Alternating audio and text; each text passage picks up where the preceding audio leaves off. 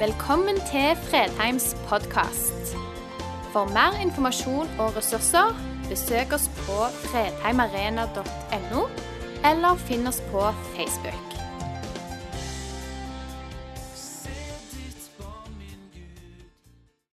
Det er alltid kjekt å få en oppmuntring. Å få en tommel opp. Og Nå ikke, ber jeg ikke om respons på talen sånn ved utgangen. bare så dere er klar over det. Men det kjekkeste er når noen oppmuntrer oss, når noen kommer med gode, positive tilbakemeldinger. Og Vi ønsker en kultur hvor vi er i stand til å oppmuntre hverandre og heie på hverandre. Det er ikke fullt så kjekt når noen sier oss et sannhetens ord som vi kanskje ikke er så forberedt på. Som vi kanskje først eh, tenker at det var, det var i overkant. Jeg skal fortelle om to sånne øyeblikk i mitt liv hvor noen kom med sannheter, i alle fall det de trodde var sannheter.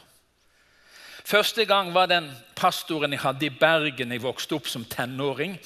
Og Jeg ble spurt av han om å bli ungdomspastor i Betlehem. og Da var jeg 21, eller jeg var 20 år. Og det var, det var, Jeg kjente jo det var spennende. Få lov å bli ungdomsleder i den menigheten jeg hadde vokst opp og gått i gjennom tenårene. Og Så begynte jeg som ungdomsleder der. Og så Etter en stund så kom pastoren inn på kontoret. 'Runar, jeg må snakke litt med deg.' Og Da tenkte jeg ja vel, nå kan det bli spennende. Det var ikke dette han sto med pekefingeren, men han sa det er bare én ting som mangler deg, sa han. Bare én ting. Det var, ikke, det var jo ikke, noe å bli redd for. Jeg, jeg trodde jo jeg mangla en hel haug med ting. Bare én ting. Og så kom han med følgende Du har ikke gått fallitt på deg sjøl ennå, sa han. Den traff. Jeg er vokst opp i et predikanthjem. Jeg hadde hørt tusenvis av prekener. Jeg trodde at det med kristendom, det kunne jeg. Og Så kommer pastoren og så sier han meg en sannhet. Du har ennå ikke gått fallitt på deg sjøl. Det han egentlig sa, du klarer deg for godt sjøl. Du har for stor tro på at du skal fikse dette. Og du har for liten tro på at Jesus er den det handler om. Jeg ble sint innrømme det her og nå. Jeg tok ikke det veldig ydmykt og sa ja, jeg skal gå hjem og be over dette. Jeg ble sint. Hvem er du som kommer og forteller meg? Men han hadde helt rett. I ukene etterpå så ble dette en spennende, utfordrende og dyptpløyende prosess i mitt eget liv. Og etter en stund så måtte jeg gi han rett. Jeg stolte for mye på meg sjøl. Jeg hadde for lite den at det er Gud som må gjøre det. Jeg er desperat avhengig av Jesus. Jeg trodde jeg skulle klare å fikse det. Han talte sannhet inn i mitt liv med kjærlighet. Han ville meg vel. Og selv om sannhetens vei, og jeg ennå nå, 40 år etterpå, husker det som det var i går, så forteller det at det var et kraftig møte. Når jeg kom til Sandnes, så hadde jeg vært ute og vært på et seminar sammen med en annen. Da var det en annen som hadde lyst til å fortelle meg en sannhet. Eh, den vei mye verre. Vi satt i bilen nede, nede forbi Langgaten der, og jeg skulle gå ut. og Så sier han du, 'Jeg har noe å si til deg, Runar'. Å ja, tenkte jeg. Voksen mann, så sa han, 'Du har ingen nådegave', sa han. Ja. Det var det han sa. Da hadde jeg lyst til å bare gå hjem til Bente og si nå tror jeg bare vi pakker og reiser til Bergen. Det, det er litt av en melding å få. Han hadde ikke bevist at han var glad i meg. Han kom bare med en sannhet, sånn som han opplevde det, og trødde inn i livet og ga en smerte som var forferdelig. Han beklagte det seinere, og vi ble gode venner. Og Vi fikk et godt og fortrolig forhold. Han skulle ikke ha sagt det. Det kunne ha tatt mot fra en ung predikant som hadde flytta med familien. Du har ingen nådegave. sannhet. Sannhet smaker og fungerer best når du har bevist for de menneskene at du er glad i dem. Det hadde Gunnar Bjelland gjort. Han som fortalte jeg, jeg hadde ikke gått fallitt på meg sjøl. Han hadde bevist det. Og han som sa det i bilen den gang, han har ikke bevist noen ting. Den første sannheten, den satte meg fri. Den gjorde noe i livet mitt. Og Det er ikke det jeg ikke har trengt sannheter seinere. Det er noen som forteller meg sannhet rett som det er. Og Jeg håper du òg har noen som du våger å la tale sannhet inn i ditt liv. For sannhet talt i kjærlighet, den gjør nemlig noe med oss. Og nå skal vi lese Det er den lengste teksten jeg har lest noen gang. bare så dere er klar over det. Sett dere godt til rette. Nå skal vi lese om Jesus som skal gå gjennom Samaria på vei til Galilea. Og Så skal vi møte en ubeskrivelig vakker, spesiell fortelling. Og få, få det med deg. Jesus fikk nå vite hva fariseerne hadde hørt. At han vant flere disipler og døpte flere enn Johannes. Riktignok var det ikke Jesus selv som døpte, men disiplene hans. Da forlot han Judea og dro gjennom Galilea. Han måtte reise gjennom Samaria. og Der kom han til en by som het Syker, like ved det jordstykket Jakob ga sin sønn Josef. Der var Jakobskilden. Jesus var sliten etter vandringen og han satte seg ned ved kilden. Det var omkring den sjette time, midt på dagen, i solsteiken. Da kommer en samaritansk kvinne for å hente vann. Jesus sier til henne, 'La meg få drikke'. Disiplene hans var nå gått inn i byen for å kjøpe mat. Hun sier, 'Hvordan kan du, som er jøde, be meg, en samaritansk kvinne, om å få drikke?' For jødene omgås ikke samaritanene. Jesus svarte, 'Om du hadde kjent Guds gave og visste hvem det er som ber deg om drikke,' 'da du bedt ham, og han hadde gitt deg det levende vann.' Herre, sa kvinnen, du har, deg, har, ikke noe å dra opp vann med, og brønnen er dyp. Hvordan, hvor skal du få det levende vannet fra? Du er jo ikke større enn vår fars stamfar Jakob. Han ga oss brønnen, og både han selv og sønnene hans og buskapen drakk av den. Jesus svarte, den som drikker av dette vannet, blir tørst igjen. Men den som drikker av det vannet jeg vil gi, skal aldri mer tørste. For det vannet jeg vil gi, blir i ham en kilde med vann som melder fram og gir evig liv. Kvinnen sier til ham, 'Herre, gi meg dette vannet, så jeg ikke blir tørst igjen og slipper å gå hit og hente opp vann.' Da sa Jesus til henne, 'Gå og hent mannen din, og kom så hit.' 'Jeg har ingen mann', svarte kvinnen. 'Du har rett når du sier at du ikke har noen mann', sa Jesus, 'for du har hatt fem menn, og han du nå har, er ikke din mann.' Det du sier, er sant. Herre, jeg ser at du er en profet, sa kvinnen. Våre fedre tilba Gud på dette fjellet, men dere sier at Jerusalem er stedet der en skal tilbe. Jesus sier til henne, tro meg, kvinne. Den time kommer da det verken er på dette fjellet eller i Jerusalem dere skal tilbe Far. Dere tilber det dere ikke kjenner, men vi tilber det vi kjenner, for frelsen kommer fra jødene. Men den time kommer, ja, den er nå, da de sanne tilbedere skal tilbe Far i ånd og sannhet, for slike tilbedere vil Far ha. Gud er ånd, og den som tilber ham, må tilbe i ånd og sannhet. Jeg vet at Messias kommer, sier kvinnen. Messias er det samme som Kristus, og når han kommer, skal han fortelle oss alt.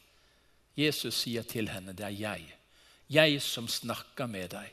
I det samme kom disiplene hans, og de undret seg over at han snakket med en kvinne. Men ingen av dem spurte hva han ville, eller hvorfor han snakket med henne.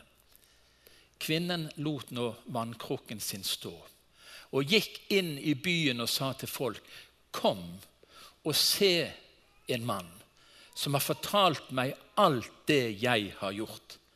Han skulle vel ikke være Messias? Da dro de ut av byen og kom til ham. Mange av samaritanerne fra denne byen kom til tro på Jesus pga. kvinnens ord da hun vitnet. Han har fortalt meg alt det jeg har gjort. Denne fortellingen, historien, handler om overraskende, helt overraskende muligheter. Om en dag som ble helt annerledes enn tenkt og planlagt. Jesus går gjennom Samaria. og Jødene ville ikke ha med samaritanene å gjøre pga. at de var blanda litt religioner, var ikke helt å stole på. Gudsforholdet deres var ikke sånn som det skulle være. Og Attpåtil er dette en kvinne som skjuler seg. For det er det hun gjør når hun går midt på dagen, for da var det for varmt. Hun går ikke der fordi solen er oppe, hun går der fordi solen holder de andre borte. Og så skjer det noe helt overraskende. Og så begynner det en samtale som er en Hvis du vil lære hvordan du skal møte mennesker som kanskje lurer litt på Gud og Jesus og tro, så er dette en god samtale å lære noe av. En samtale som åpner, som inkluderer. Og så skjer det som ofte skjer når sannheten blir for ubehagelig. Hun prøver å vike unna.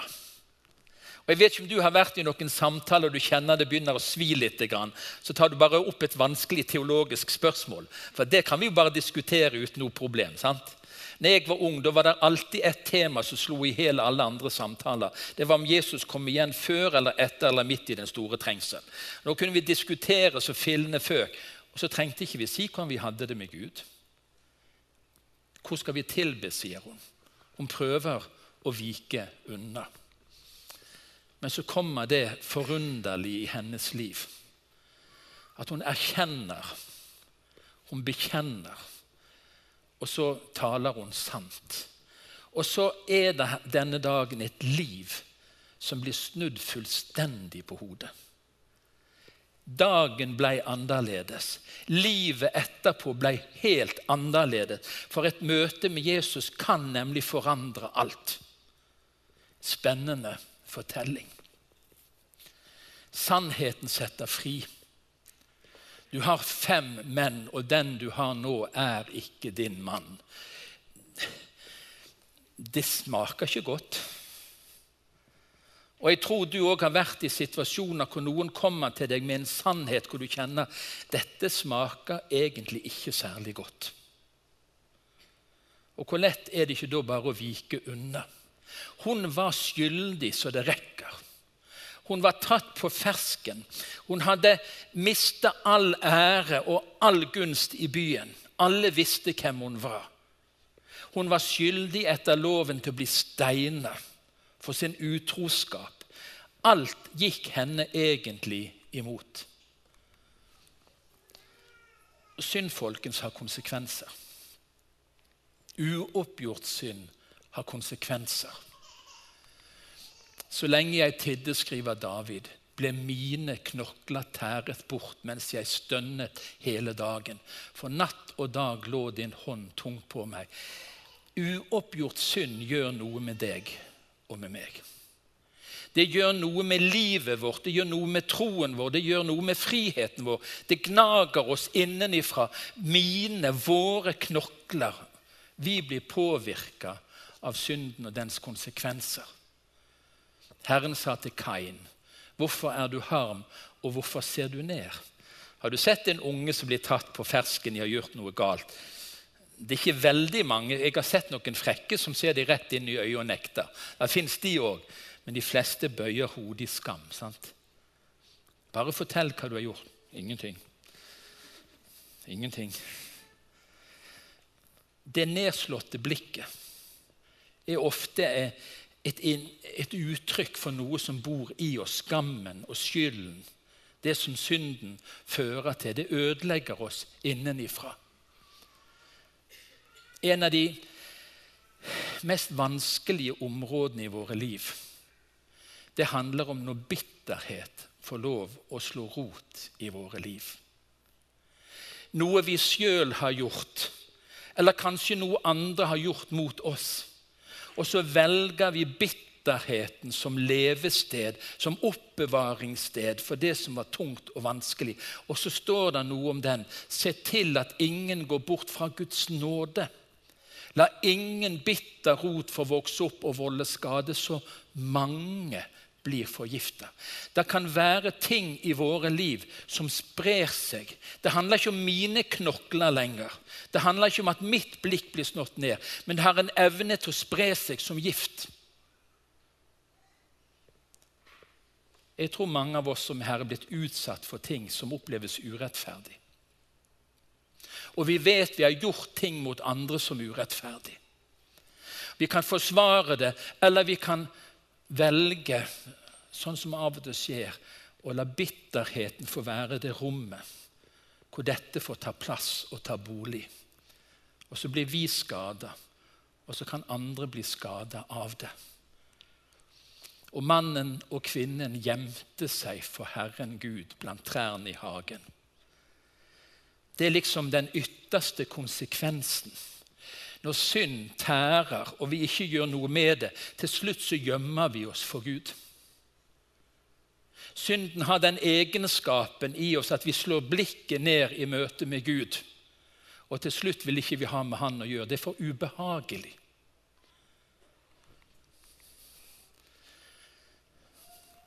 Jesus setter fri. Sannheten setter fri. Hør nå. Men han, Jesus, ble såra for våre lovbrudd.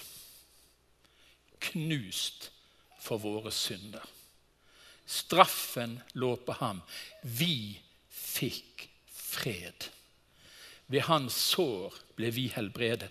Vet du, det fins helbredelse. Det fins gjenopprettelse. Det fins gjenreisning for et menneske som har falt, som har gått, det har gått i stykker for.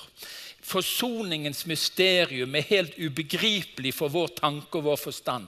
Men sannheten er at Jesus smakte syndens konsekvenser på kroppen sin, fysisk, sjelelig, åndelig, på alle måter. Han ble forlatt av Gud.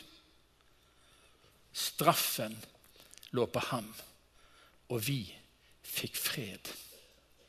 Det er et budskap. Nå spurte du etter et amen i sted. Altså Her er vi på djupt vann, folkens. Vi kunne spleise på et halleluja. Tenk det. Du går fri. Du får fred. Du blir helbreda. Vi blir gjenoppretta fordi han ble knust i vårt sted. Sannheten setter fri. Djevelen kommer for å myrde og stjele og ødelegge. Jesus kom for å gi liv og overflod av liv. Sannheten er ikke farlig. Løgnen er livsfarlig. Sannheten setter fri. Sannheten gir fred. Sannheten helbreder. Og jeg tror alle som er her inne, kan bare si jeg vet det jo. Om det satt langt inne å be om beklagelse, om det satt så langt inne å be om tilgivelse, så vet du at det gjorde noe med deg. Du løfta blikket igjen. Bitterheten slapp taket. Sannhet setter fri. Sannhet setter fri. All vår skyld, all vår synd, tok Jesus på seg. Og det rekkes til oss, den friheten rekkes til oss helt gratis ved nåde. Med å tro det og ta imot det. Forunderlig mysterium. Og så er det ikke bare det at sannheten setter fri fra noe. Men sannheten setter fri til noe. Den setningen der, kikk litt på den. Tenk deg inn i situasjonen hennes. Hun som gjemte seg for folket. Hun som vil være aleine, som levde med skammen og skylden og fordømmelsen. Kvinnen lot nå vannkrukken sin stå og gikk inn i byen. Og så møtte hun folket. Da har det skjedd en forandring. Da har det skjedd en forandring. Da er det noe som er ordna opp i innvendig. Da har det skjedd noe med blikket. Da har det skjedd noe med bitterheten. Da har det skjedd noe med skylden og det har skjedd noe med skammen. Den setningen forteller si, konsekvensen av hele evangeliet. Hun ble fri igjen. Hun ble ikke bare fri fra noe, men hun ble fri til noe. Hun vågte plutselig å være seg sjøl. På godt og vondt. med hele sin livshistorie. Med alle sine nederlag så møter hun folk. Vet dere hva, folkens? Der er en fyr her inne i byen. Han har sagt meg alt jeg har gjort. Nå skal du få en liten øvelse. Skann gjennom hjernen din alt det du har tenkt og sagt og ment som er ikke bra. Og så nå får jeg tilgang til det. sant? Og så kommer det opp på skjermen. Hadde du lyst til å Du har jo ikke lyst til det. Du vil jo gjemme det. Men et møte med Jesus gjør at det mørkeste i våre liv, det mest skambelagte i vårt liv, det mest skyldbelagte i vårt liv, det mister kraften i et møte med Jesus. Vi blir satt fri til å være oss sjøl helt og fullt, sånn som Gud hadde tenkt oss, og Gud som hadde skapt oss. Det er, helt, det er en ubegripelig historie. Da går en skyldbelagt kvinne fordømt ut en dag i Syka for å hente vann. Hun, hun går hjem igjen, sier hun er evangelist. Og folk kommer til tro pga. hennes vitnesbyrd. For en forandring. Synd skaper bindinger og hindrer. Sannheten den setter oss fri fra skyld og bindinger og det som hindrer. Og den setter oss fri til å bli oss sjøl og leve ut det potensialet som Gud har lagt ned. Og jeg har bedt lite grann foran denne dagen. Det er 300 mennesker inne i denne salen. Tror du der er noen, kanskje du, du vet det, der er noe som hindrer deg. Det er noe som binder deg. Du lever ikke ut det Gud har lagt ned i deg. Gud får ikke lov å bruke deg sånn som han hadde tenkt, for du holder fast på noe. Du har slått deg til ro med noe. Sannheten setter fri. Den setter deg fri til å være deg sjøl. Den setter deg fri til å leve ut det potensialet som Gud har lagt ned i hver og en av oss. Du skal slippe å sammenligne deg med andre. Du skal slippe å, å leve ut ifra andre sine forutsetninger. Du skal få lov å kjenne at du er akseptert og elska sånn som du er.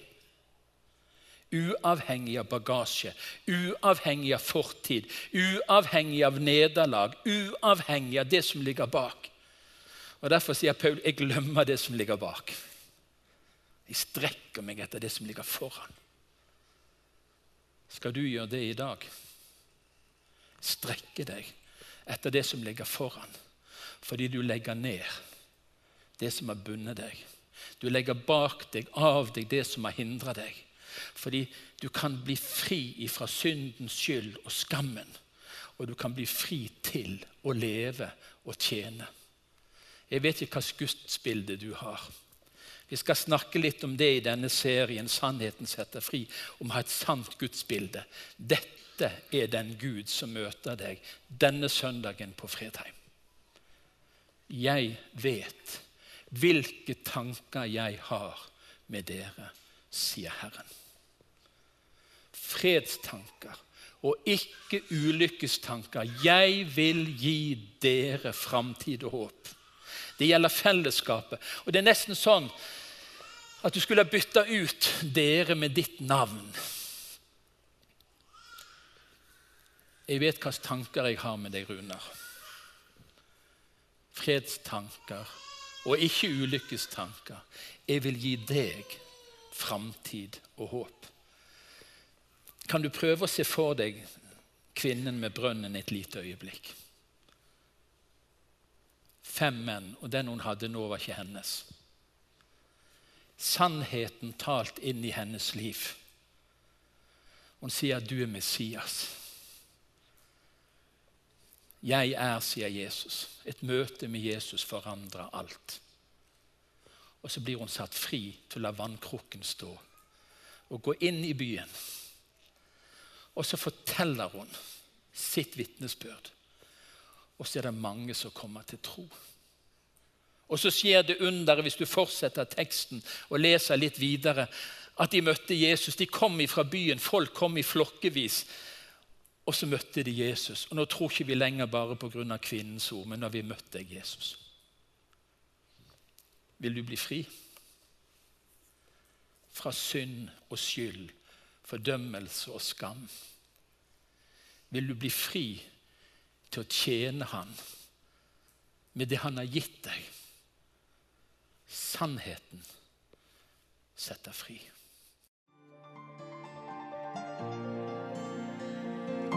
Takk for at du valgte å høre på. Nye opptak legges ut hver uke. Vi har gudstjenester hver helg, og du er hjertelig velkommen.